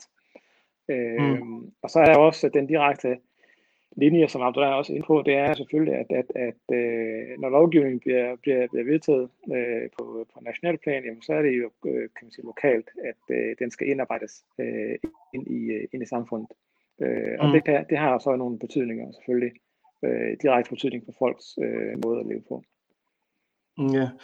Hvis, hvis vi lige går til de partier, som er som majoriteten er rimelig glad for, kan man sige. For eksempel radikale venstre, som du er en del af, Mahat. Øh, hvis vi tager ghetto-lovgivning for eksempel. Øh, for landsplan og folketingsplan er de jo enige med ghettoplan. Men på lokale plan går radikale venstre ind for de planer, der blev lavet både i Odense og i, øh, i, i Aarhus. Hvordan, hvordan skal man fortolke det? Altså nu er det jo svært, fordi jeg har jo årsagen til, at man gik ind i, i den, den, den har jeg lidt svært ved at lige svare på her, fordi, øh, fordi at, at, øh, jeg var ikke med til selve forhandlingerne øh, omkring mm. det. Øh, ja. Der havde vi en forhandlingsgruppe, der, der, der var en del af, af den forlig, øh, altså der, i, i forhold til. Ja. Øh, hvad der helt præcis stod til grund for, for radikale, det egentlig stemte anderledes i forhold til uh, nationalt, det, det vil jeg nøde øh, gisne eller, eller, eller, eller gætte på, øh, fordi øh, som sagt, øh, jeg tror, man skal sidde i forhandlingslokalet for at kunne, kunne sige noget præcist om, hvorfor de gjorde, som de gjorde. Øh, og det kan jeg desværre ikke sige.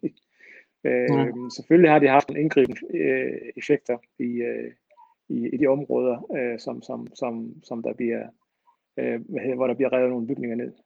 Mm. Hvad, hvad siger du, Abdullah?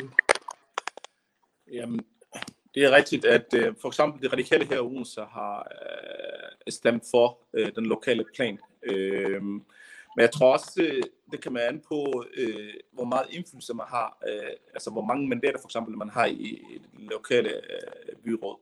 Altså i Odense har det kun øh, en mandat, øh, og, øh, og det fik tildelt, øh, hvad kan man sige, en, en rådmandspost, og jeg tror, det har haft en stor betydning. Øh, øh, i forhold til den beslutning, øh, de traf, øh, der den lokale plan skulle implementeres. Øh, fordi øh, jeg tror, den der rådmandspost, den har, den har hvad kan man sige, haft sin pris.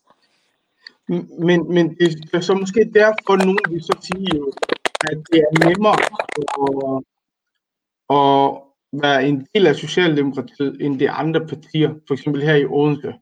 Øh, fordi for det første, Socialdemokratiet er det største parti i Odense, Plus, altså, der er jo ikke alternativ til Socialdemokratiet, vil jeg nok sige, fordi øh, Venstre og Konservativ er, er slet ikke interesseret i for eksempel Voldsmose, der hvor vi bor. Øh, hvor mesteren øh, øh, fra Socialdemokratiet, han er tit i, øh, hvad hedder det, i Voldsmose, han prøver at inkludere folk, så kan man jo så sige, okay, der er nogen, der vil sige, det er politisk, men ham ser man jo lidt oftere end det andre. Så har vi reelt et valg, tænker du? Øhm, kan du høre mig? Ja. Jeg tror, man skal hele tiden tænke på, når man stemmer, så skal man hele tiden tænke på uh, magtbalancen, uh, det mm. lokale byråd. Uh, Socialdemokratiet for eksempel, så de, de har rigtig mange mandater. Uh, men mm. hvis man, og jeg tror, det er derfor, det er også de gennemfører de ting, som, øh, som, som mange hvad kan man sige, lokale med minoritetsbaggrund øh, synes, at det er, er, er fuldstændig hen. Øhm, derfor, hvis man, hvis man nogle gange tror jeg, det er vigtigt at, at prøve at ændre og være med til at påvirke i hvert fald magtplansen øh, i, hvad kan man sige, det lokale byråd. Hvis man styrkede for eksempel, jeg kommer bare øh, sådan, mm. ja, øh, hvis, man, hvis man prøver for eksempel styrker øh, venstrefløjen, øh, vores, for eksempel i vores lokalt øh, vores byråd, øh, så tror jeg, det vil have, så tror jeg, Socialdemokratiet vil føre et øh, anderledes øh, politik, øh, fordi lige pludselig det er ikke kun det er ikke dem, der sidder med de afgørende mandater, når der skal mm. øh, implementeres nye plan og nye politik i byen. Mm. Må jeg lige sige en ting også? Øh, det er også, at man skal også huske på, at nogle af de her ting her, der bliver der også nogle gange lavet nogle meget, meget, meget brede forlig. Det vil sige, Øh, hvis, altså for eksempel i tilfælde af Aarhus, øh, så var det ud af 31 medlemmer, så var det 29, der stemte for. Øh, og, øh, og der kan man sige, når, der er, når, når forliget er så bredt, øh, så kan det nogle gange være svært at stå udenfor os, fordi man vil også gerne have noget indflydelse på, hvordan tingene også bliver gjort øh, indeni. Så, så det, det spiller også ind nogle gange grund til, at, øh, tror jeg i hvert fald, at, at, at, at nogle af de her partier er, er, er med i, øh, i det her forlig her. Ikke? Øh, mm. selvom de er, er, er imod på, på nationalplan. Men, men hvis du, altså Aarhus for eksempel og Odense er sådan, det minder lidt om hinanden, vil jeg mene rent politisk, fordi Socialdemokratiet er nok det største parti øh, i øh, Aarhus, og det samme i Odense. Øh, og øh, med folk med majoritetsbaggrund, hvis du skal vælge, så vælger du jo dem, der i det mindste prøver at komme i dialog med dig. Det, og det er derfor, synes jeg, at Socialdemokratiet er meget sikker på vores stemmer, fordi om du stemmer på radikale, eller om du stemmer på enhedslisten, det er det samme som at stemme på dem. Så kan, vi, kan man undvære Socialdemokratiet, tænker I? Så sekunder, eller mig lige fjerne det. Nej, ja, men altså, man kan... Man, ja, man, ja, undskyld, ja. Ja, Abdullah. Jeg tror, det er meget vigtigt at huske på, øh, hvornår, politikere øh, vil gå i dialog med, med, med borgerne. Altså, mm. hvis du kigger på for eksempel, da du skulle implementeres øh, nogle, en lokale plan, altså øh, Evolsmus, så, øh, så var der ikke noget dialog mellem øh, borgerne, altså de lokale øh, Evolsmusbeboere og, og, og, hvad hedder det, og politikerne. Øh, men her nu, hvor der er for eksempel ikke ret langt tilbage til valget, så pludselig ser vi et meget synligt borgmester. Så politikere tænker altid strategisk, og det synes jeg er meget vigtigt at huske på. Øh, så nu ved han for eksempel, borgmesteren, at der ikke er ret langt tilbage til valget. Det er derfor, han blev meget mere synlig, hvor der han har tidligere været. Men hvorfor, så kan man spørge det samme, hvorfor er de andre partier ikke synlige så jo? Det er så, det er så et interessant spørgsmål. Det kan man så spørge af de andre partier. Ja, fordi jeg, jeg vil hellere have, for selvfølgelig, selvfølgelig borgmesteren tænker politisk jo. Ja. Men i det mindste er han synlig, og han ja. kommer og spørger, selvom der, det måske bliver grund af valgkamp, eller øh, kommunalvalget er lige rundt om hjørnet, ikke? Men, men alligevel han er der. Det. Ja. Vi kan, to sekunder, to sekunder. Ja. ja. Den ene ting, det er at være dialogsen, den anden ting, det er, hvad politikerne, hvad kan man sige, gennemfører politik øh, i den tid, øh, det har. Øh, hvis du kigger på øh, sådan de sidste tre år, øh, hvor vi har haft en socialdemokratisk flertal i Odense Byråd, der har det ikke ja. haft det betydning øh, i form af... Øh, du lader, du forsvinder. Jeg ved ikke, øh, man kan ikke høre dig så godt. Man kan ikke høre dig. Man kan ikke høre dig. Jeg for jer. To sekunder.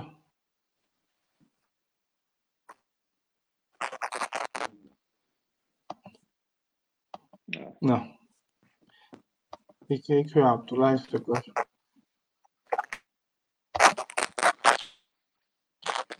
Hvad hvis vi går videre til dig? Ja, jeg tror,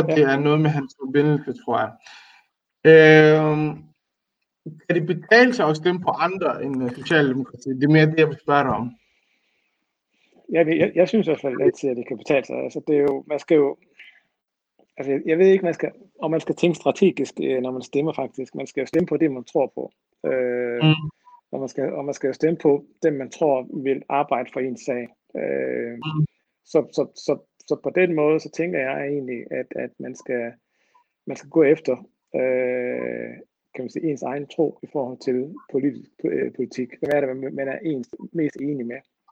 øh, mm. i stedet for at tænke strategisk eller noget andet, fordi det, det, det, det, det, kan man sige, det når man ikke særlig langt med, i hvert fald efter min mening. Øh, og, øh, og det tror jeg er afgørende for, øh, at man kan, man kan, hvad hedder det, øh, man kan nå langt. Øh, og det jeg synes også er, man skal være opmærksom på, det er, at jamen, det kan godt være, at der måske øh, er et, et byråd, at der er et parti, der er meget stort, og så er et parti, der måske har to eller tre eller fire mandater. Mm. Jamen, øh, de der mandater, mandater kan jo godt sagtens være afgørende i forhold til, når der skal handles. Øh, så, så jo flere mandater, øh, jo flere muligheder har man for at forhandle øh, med, med, det store, med det store partier, øh, uanset om det er Venstre eller Socialdemokratiet, som bare at være en af de borgmester øh, tunge øh, partier.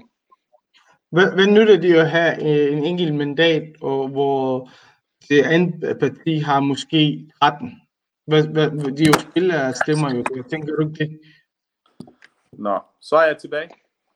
Ja, Mahat lige, vi skal lige have Mahat lige der. Hvad, hvis, hvis, hvis lige, altså, i Aarhus er det nok det samme. Altså, hvad nytter det at stemme på et parti, hvor man ved, det vil kunne få en eller to mandater, frem for at stemme på et parti, der har 13-14 mandater? Det kan man an på, hvordan de, de byråd er sammensat. Altså nu, nu kan jeg ikke lige huske, hvordan byrådet er sammensat i, øh, i Odense, men, men her i Aarhus, der har Socialdemokratiet jo ikke det absolutte flertal.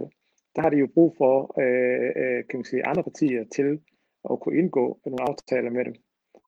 Mm. Øh, så, så på den måde har de jo brug for de små partier. Øh, har de jo brug for øh, det, man kalder i, øh, i, i kommunalpolitik, den konstituering, de laver, altså den der øh, Øh, blok, det er jo egentlig blokpolitik bare på lokalplan, øh, mm. hvor at, at de bliver enige med nogle partier, som siger, at vi peger på den borgmester der, og så er det der, de arbejder ud fra og laver mm. det, det fleste aftaler med. Øh, mm. så, så, og det er ikke meget anderledes. Så, så jo, altså, jo flere stemmer, om det er to eller tre, øh, hvis, hvis et parti ikke, ikke har absolut flertal, jamen så giver det nogle muligheder at forhandle ud fra, fordi så, skal, så har de jo brug for dine mandater, og det vil sige, så har du også, på samme måde som vi var inde på tidligere med øh, den tidligere regering med Venstre, hvor Dansk Folkeparti til hver finanslovsforhandlinger sagde, okay, vi vil gerne støtte jeres øh, finanslov, men så skal vi have det og det og det og det. Ikke? Og det plejer yeah. så relativt til det udviklingsområde, de, de plejer at få det på, ikke? Det er nok fordi Dansk Folkeparti har 13-14 mandater, stedet for en jo. Ja, ja, men hvis, det, hvis den ene er afgørende, prøv at tænke på det. Altså, tit er det jo, Mark? Hvis du skal være ærlig, hvor tit er den ene mandat afgørende jo? Nej, nej, men det er ikke så tit, men jeg tænker bare på, hvis, hvis, hvis, hvis, øh, hvis hele den kan man sige, forhandling, den, den går i stå, altså, ja. og man siger, at, at, at altså, jeg har jo set, hvis vi går tilbage til det, så har jeg jo set øh, tidligere regeringer, hvor øh, radikale venstre har været haft måske med otte mandater, men de har været ja. tunge på vægtskolen. Altså, de har været lige i midt af partiet, som har afgjort, hvor, mm. kan man sige, hvem der skulle have statsministerposten. Ikke? Altså, det var sådan nogle mm. ting, der jo langt tilbage i tiden. Ikke? Mm. Øh, så at det, at man har få stemmer, øh, betyder ikke, at man ikke kan gøre noget. Man kan sagtens godt være den, kan man sige, det afgørende, øh, der, øh, der, kan, der kan tippe vægtskålen, afhængig af, hvordan sam, sammensætningen øh, af byrådet er selvfølgelig. Ikke? Altså, men altså, hvis, de, hvis Socialdemokraterne har øh, øh, 18 øh, ud af 31 øh, pladser på et byråd, så er det klart nok, mm. så betyder måske øh, den ene mandat, man har ikke så meget. Ja. Abdullah, du var i gang med at sige noget indtil du... Ja, øhm, ja. jeg tror, det, altså, jeg tror, det der er vigtigt øh, at huske på, det er, altså det man skal måle på politikere, det er, hvad de har gennemført, og hvad de har gjort, som har skabt reelle forandringer hos almindelige mennesker. Mm. Det, er jo, det er jo ikke partistørrelsen, der er afgørende. Det er de mennesker, der repræsenterer, du stemmer på, de har rigtig meget at se. Så hvis du har et, hvis der er et lille parti, hvor der er nogle dygtige politikere, så kan det være med til at, at gennemføre eller forholde sig frem til nogle ting, som kan være med til at forandre dit liv. Det er jo bare lige at sige, det er, det er jo ikke altid, det vi kan sige, størrelsen, der er afgørende. Men, men, men er det rigtigt, i, vi bor begge i Odense jo, er det rigtigt, ja. at størrelsen ikke har noget at sige? Jamen selvfølgelig har det et absolut flertal i, øh, øh, øh, hvad hedder det, i Odense. Det er ikke, jeg vil ikke sige absolut flertal. De mangler lige, de skal lige have en mandat mere. Altså, mm. øh, for at kunne have et absolut flertal i Odense. Men ja. det, så, det vi så vi kan så spørge os selv, øh, det er, hvad har de sidste tre år, nu har Socialdemokratiet ledet os i vores by. Nu prøver jeg at være sådan mm. lidt, øh, være sådan kritisk, ikke? Sidste mm. tre år, hvad har de gjort, som har været med til at forandre de mennesker, øh, øh, øh, mennesker de har, der er stemt på, øh, på den deres liv?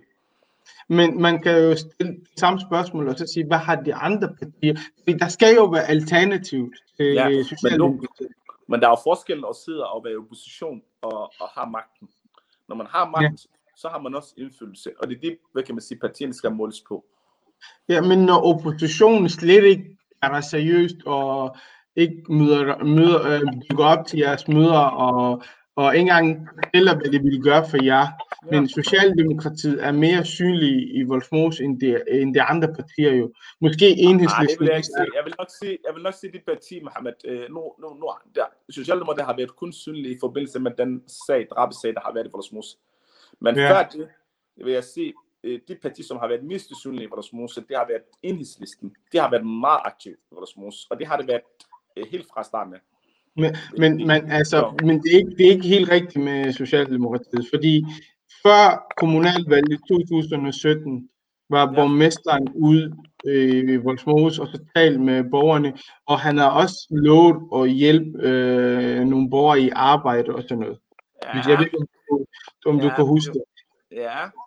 Ja, og også, og også nu, ja, nu men det jeg prøver på at sige, det er, det er ikke fordi, jeg skal forsvare Socialdemokratiet, men det jeg siger til dig, det er, ja. når de store andre partier mm-hmm. ikke, ikke kommer med noget alternativ, Altså ikke, fordi, altså, hvorfor skal man skulle stemme på Venstre? Fordi de taler jo slet ikke, øh, øh, vor, øh, eller ikke vores, men som altså, minoriteten tager jo. Så, altså, så, jeg, vil ikke, øh, jeg vil ikke gå ind og sige, at folk skal stemme på et bestemt parti. Det jeg vil bare lige sige, det er, politikere, den enkelte politiker skal måles på, hvor aktiv han har været i den periode, man har stemt på ham, og partier, det skal måles på, hvad de har været med til at, at gennemføre den tid, de har siddet i byrådet. Mm. Eller Folketinget. Det er det, jeg vil sige. Ja, han, øh. Må jeg ikke sige en ting? Øh, der, er også, der er også et element, vi glemmer her også. Altså, vi taler jo meget om størrelse her, men, mm. men rigtig meget, så handler faktisk politik om idéer.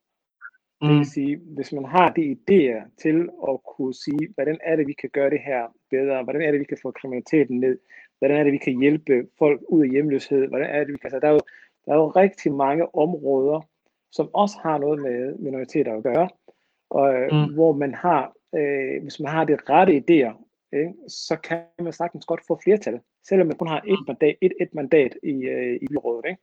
Øh, mm. så, så politik handler jo faktisk også primært om idéer, hvordan, fordi det er jo, det er jo nogle samfundsproblemer, som, som der skal løses, som vi tit sidder derinde for at, at løse. Og hvis man har en ret idé, jamen så kan både de store og de små partier godt blive enige om det. Og, og det er jo, øh, og det synes jeg også, man skal have med i det, fordi jeg har set, mens jeg har siddet her i byrådet, der har jeg set nogle af de små partier komme med nogle rigtig, rigtig gode idéer, som, øh, som de store partier har taget imod, og det er blevet vedtaget, og det er blevet til virkelighed.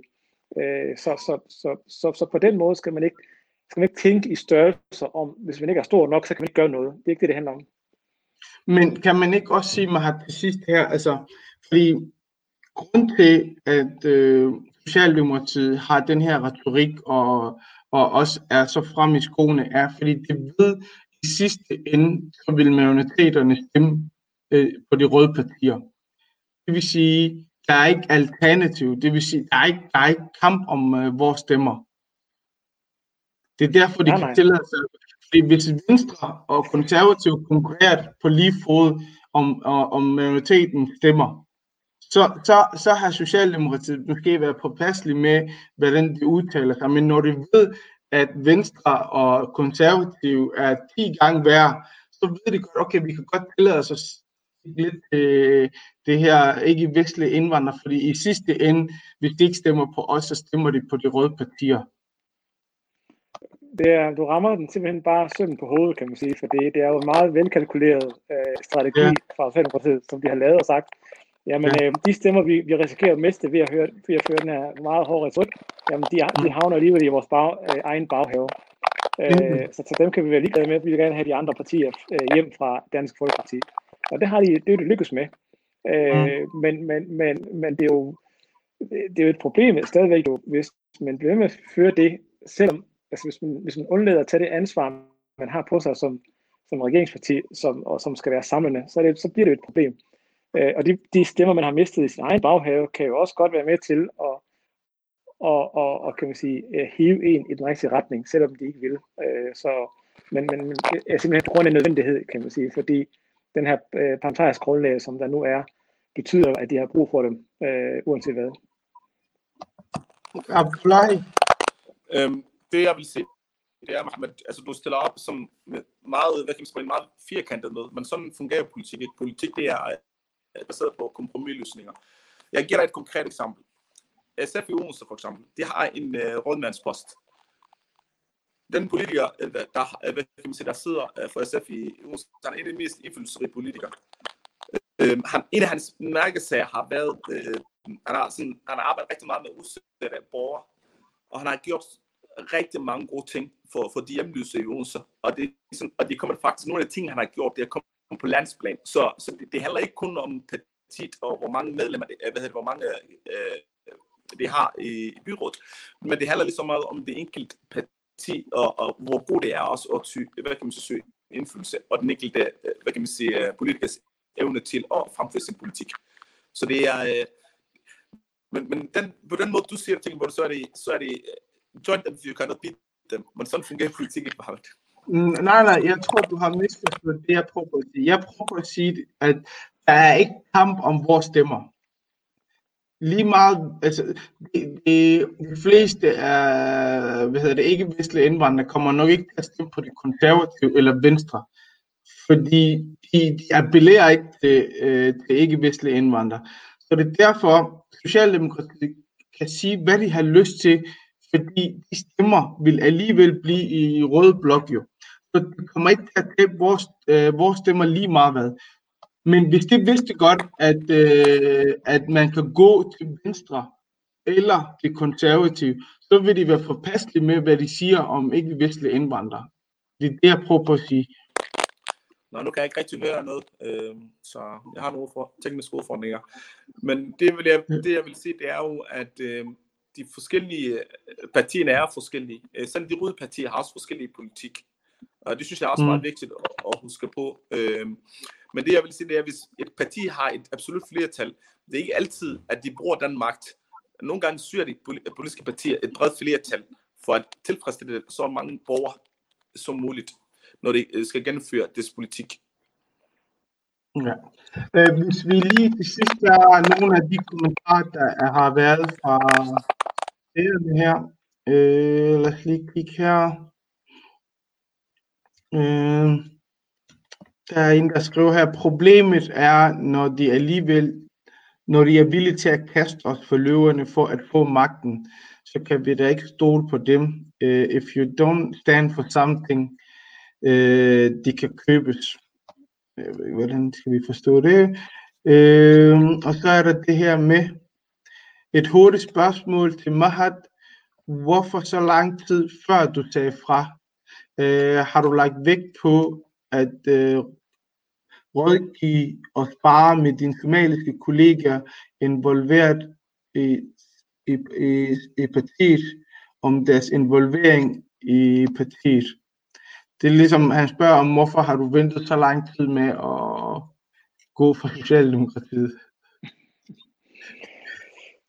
Ja, altså, det er jo, det er jo en overvejelse, jeg har haft i lang tid, kan man sige. Så øh, det er ikke noget, som jeg har taget en beslutning her øh, lige pludselig. Ja. Øh, jeg, har længe, jeg har længe været utilfreds, og ja, inderst så havde jeg egentlig håbet på, at uh, der ville komme en, uh, en ny retning og en ny måde at gøre tingene på, når man først var uh, regeringsparti. Uh, jeg indså desværre, at der ikke, uh, at der ikke var udsigt til, at det ændrer sig, og at det er den, den linje, der bliver kørt fremover, uanset hvad. Uh, så, så, det, så det er egentlig bare håbet på, at, at jeg har håbet på, at det forandrer sig, øh, og at, øh, at vi vil gå i en anden retning. Så, så det, det, er, det er grund til, at jeg har været så tålmodig, som jeg har været. Ja. Så er der en, der skriver, øh, man snakker så meget om at værne om vores demokratiske værdier, alligevel har EU det fint med at gå på kompromis med dem, når det omhandler at beskytte de yderste europæiske grænser med deres asylpolitik, Øh, det sætter vel i virkeligheden tonen og standarden for den individuelle medlemslandet udlænding og asylpolitik. Jeg ved ikke, om vi har kommentar til det. Øh, så er der en, der skriver, det kommer ikke til at lempe udlændingepolitikken. Ja, OB har ret. Partierne er enige. Socialdemokratiet vil ikke lempe noget, blandt andet på paradigmeskiftet. Øh, så er der en, der skriver, at det handler om radikale venstre. De er jo ikke minoritetsfolk. Så er der en, der skriver tak for en meget oplysende samtale. Jeg vil bare tilføje, at mennesker med minoritetsbaggrund har en betydning, når de stemmer. Øh, og så, man kan stemme blankt, man behøver ikke at være med til aktivt at støtte øh, den gav et Nå. Husk på, at muslimer i Somalia har givet massiv stemmestøtte til f.eks. SF, Radikale Venstre og Enhedslisten til hver valgkamp. Ingen af disse partier har gjort noget for muslimer. Ingen tværtimod har Enhedslisten, Radikale Venstre og SF kritiseret med at for eksempel stemme for fjernelsen af Palæs hvad hedder den der? Balsamir-paragrafen. Ja, og ingen af disse partier har gjort noget for at stoppe Rasmus Paludans hån mod muslimer og deres hellige koran. Øh, hvordan gavner de dem at stemme sig? Det er faktisk et meget relevant spørgsmål. Hvordan gavner de øh, øh, muslimer og indvandrere med at stemme, når man ikke bare tager deres interesse?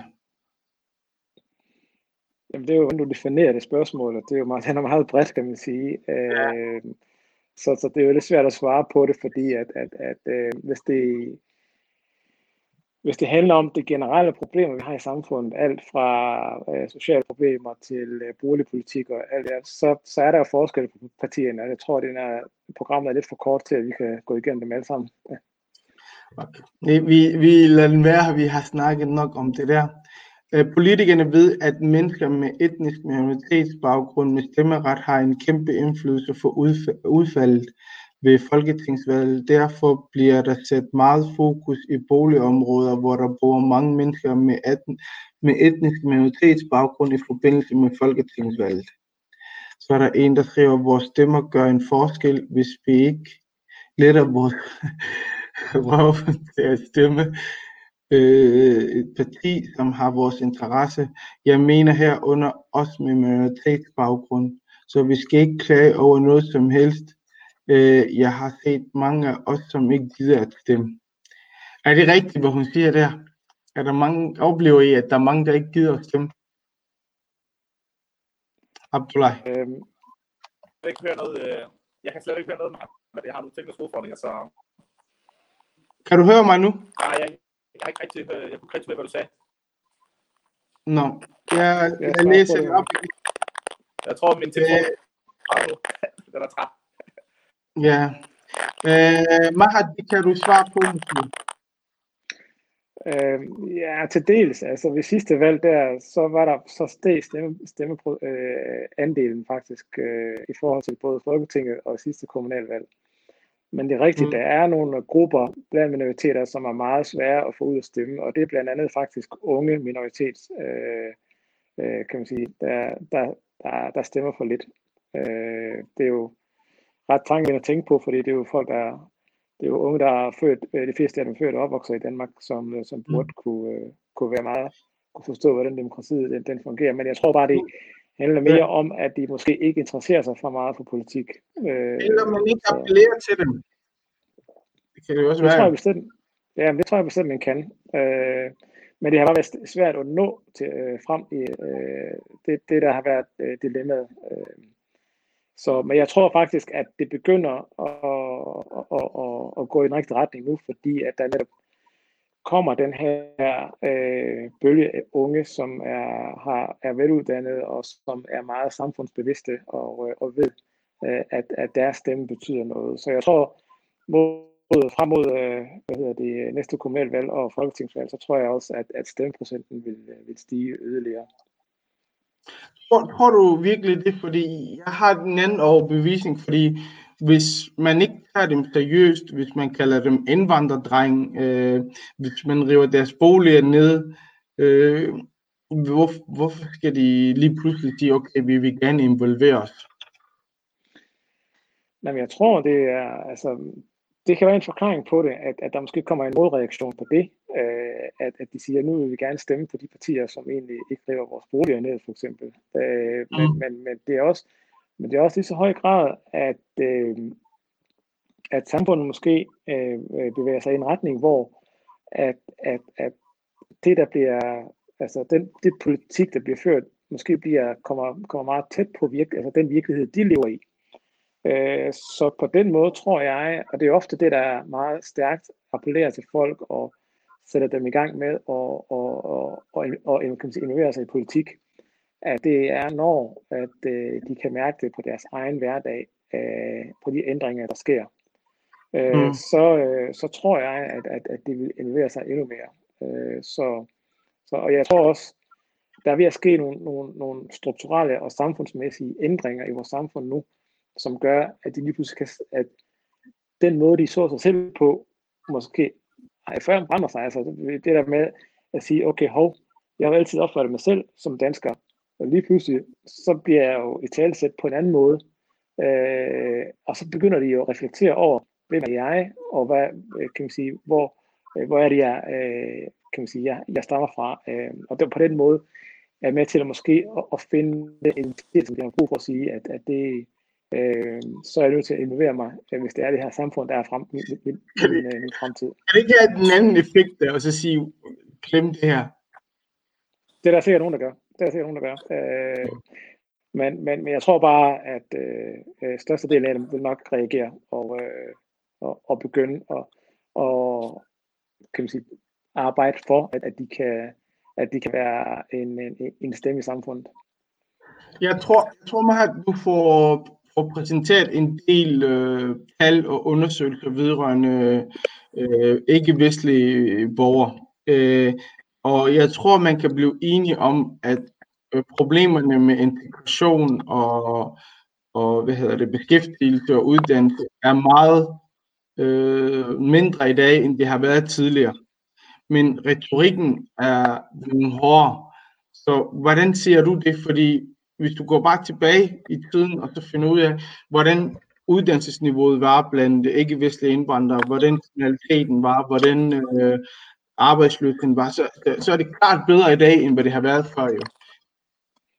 Ja, ja, det er det. Altså, jeg må indrømme, altså hvis jeg skal være helt ærlig, jeg kan ikke lide den der begreb integration mere. Altså det, det, det er sådan lidt det meget øh, negativ klang, når man sådan nævner integration, fordi, øh, og det bruger vi jo, vi ved ikke engang, hvorfor vi bruger det, fordi vi bruger det i, øh, også mod folk, der er født af i den her, og har ja. måske uddannet sig, ikke? Øh, så mm. det begreb er efterhånden sådan, det er irriteret over, hver gang jeg hører det sige, at vi skal integrere mm. folk. Hvem skal vi integrere? Altså det er jo folk, der, der er, det er mine børn, det er, er nogle andre børn, som er født og opvokset her. Øh, mm. Har de brug for at blive integreret? Det tror jeg ikke, de har. Øh, mm. Så, så den, det, det, men, men du har ret i selvfølgelig, at udviklingen går virkelig i den rigtige retning. Øh, en ting er, hvordan tingene bliver øh, portrætteret i, øh, i medierne, og hvordan de sådan bliver talesat osv., men mm. den virkelighed, som jeg ser i forhold til tallene, jamen så er der jo, altså, der er jo minoriteter, som uddanner sig som aldrig før, altså som tager sig mm. en videregående uddannelse, og som virkelig bare brager ud af. Ikke? Mm. Men det er jo ikke dem, vi hører. Altså, vi hører desværre de der meget små øh, minoriteter i minoriteterne, som mm. desværre har nogle sociale problemer, og som måske som ikke kan opføre sig ordentligt, øh, og, og, og, og, og måske og, og, og lave de her ballade her. Det er dem, der fylder hele mediebilledet, øh, fordi som man siger, at øh, negative historier sælger godt, øh, positive historier sælger knap så godt. Ja. Abdullah, det samme spørgsmål, jeg tror, vi afslutter med det. Hvorfor tror du, at retorikken blev værre nu, end tidligere, når der er, så, ud, øh, der er en god udvikling lige nu? Fordi der er øh, stemmer i symbolpolitik og populisme. Øh, jeg tror, at det er derfor, at, mange politikere er bruger altså anvender den retorik, øh, de gør. Øh, men der er ingen tvivl om, at, øh, at jeg, jeg bryder mig heller ikke om øh, begrebet integration. Der er ingen tvivl om, at tingene de bevæger sig rigtig øh, retning. Øh, der er rigtig mange unge øh, med minoritetsbaggrund, der uddanner sig, øh, og der er flere og flere, der kommer i beskæftigelse. Øh, derfor er det sådan trist, at øh, øh, nogle politikere er med til at udlægge, hvad kan man sige, øh, den gode øh, udvikling. Og det interessante er jo de samme politikere, der taler om, at flere unge mennesker skal uddanne sig, at flere unge øh, skal komme i beskæftigelse øh, osv. Øh, og så er det dem, der også alligevel øh, generalisere og stigmatisere øh, de samme unge, øh, hvilket er meget trist. Ja.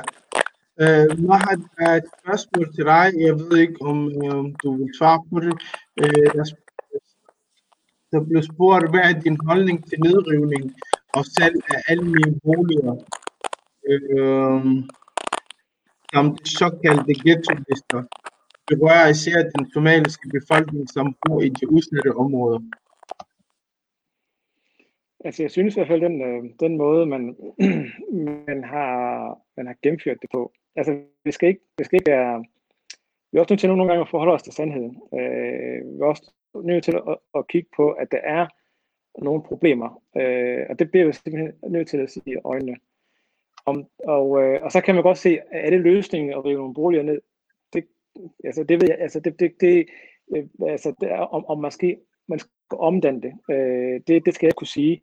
Men det jeg ved med sikkerhed, det er faktisk, at hvis vi skal øh, kunne, øh, øh, kunne have en, en, en, en fremtid, øh, så er vi også nødt til at være lidt mere, have en blandet brug, det, beboersammensætning i vores byer. Øh, at vi ikke har nogen koncentrationer af forskellige øh, grupper og etniciteter. Øh, så, så på den måde er jeg enig i, at, at, at vi skal have øh, en, en, øh, en blandet øh, sammensætning af forskellige etniciteter osv. Og også i forhold til øh, boligformer. Det er også det, der er, øh, kan man sige, der er lagt op til i de her, både i Odense og i Aarhus også, det er, at man også laver ikke bare nogle almindelige boliger, men også nogle private boliger, så der kommer nogle ejerboliger, studieboliger osv., så folk er mere blandet sammen. Om det så på sigt kommer til at, at løse de udfordringer, vi har, øh, det, det må jeg indrømme, det må vi se tiden an og se. Men, men, men jeg kan godt forstå selvfølgelig, at, at, øh, at, at, at, at der bliver revet, øh, at, at de bygninger, der bliver revet ned, at det har nogle konsekvenser for, for, for folk. Det kan jeg, det har jeg fuld forståelse for. Ja. Jeg tror, vi afslutter, fordi I, I tog imod vores invitation og vil være med til at, at drøfte Socialdemokratiet.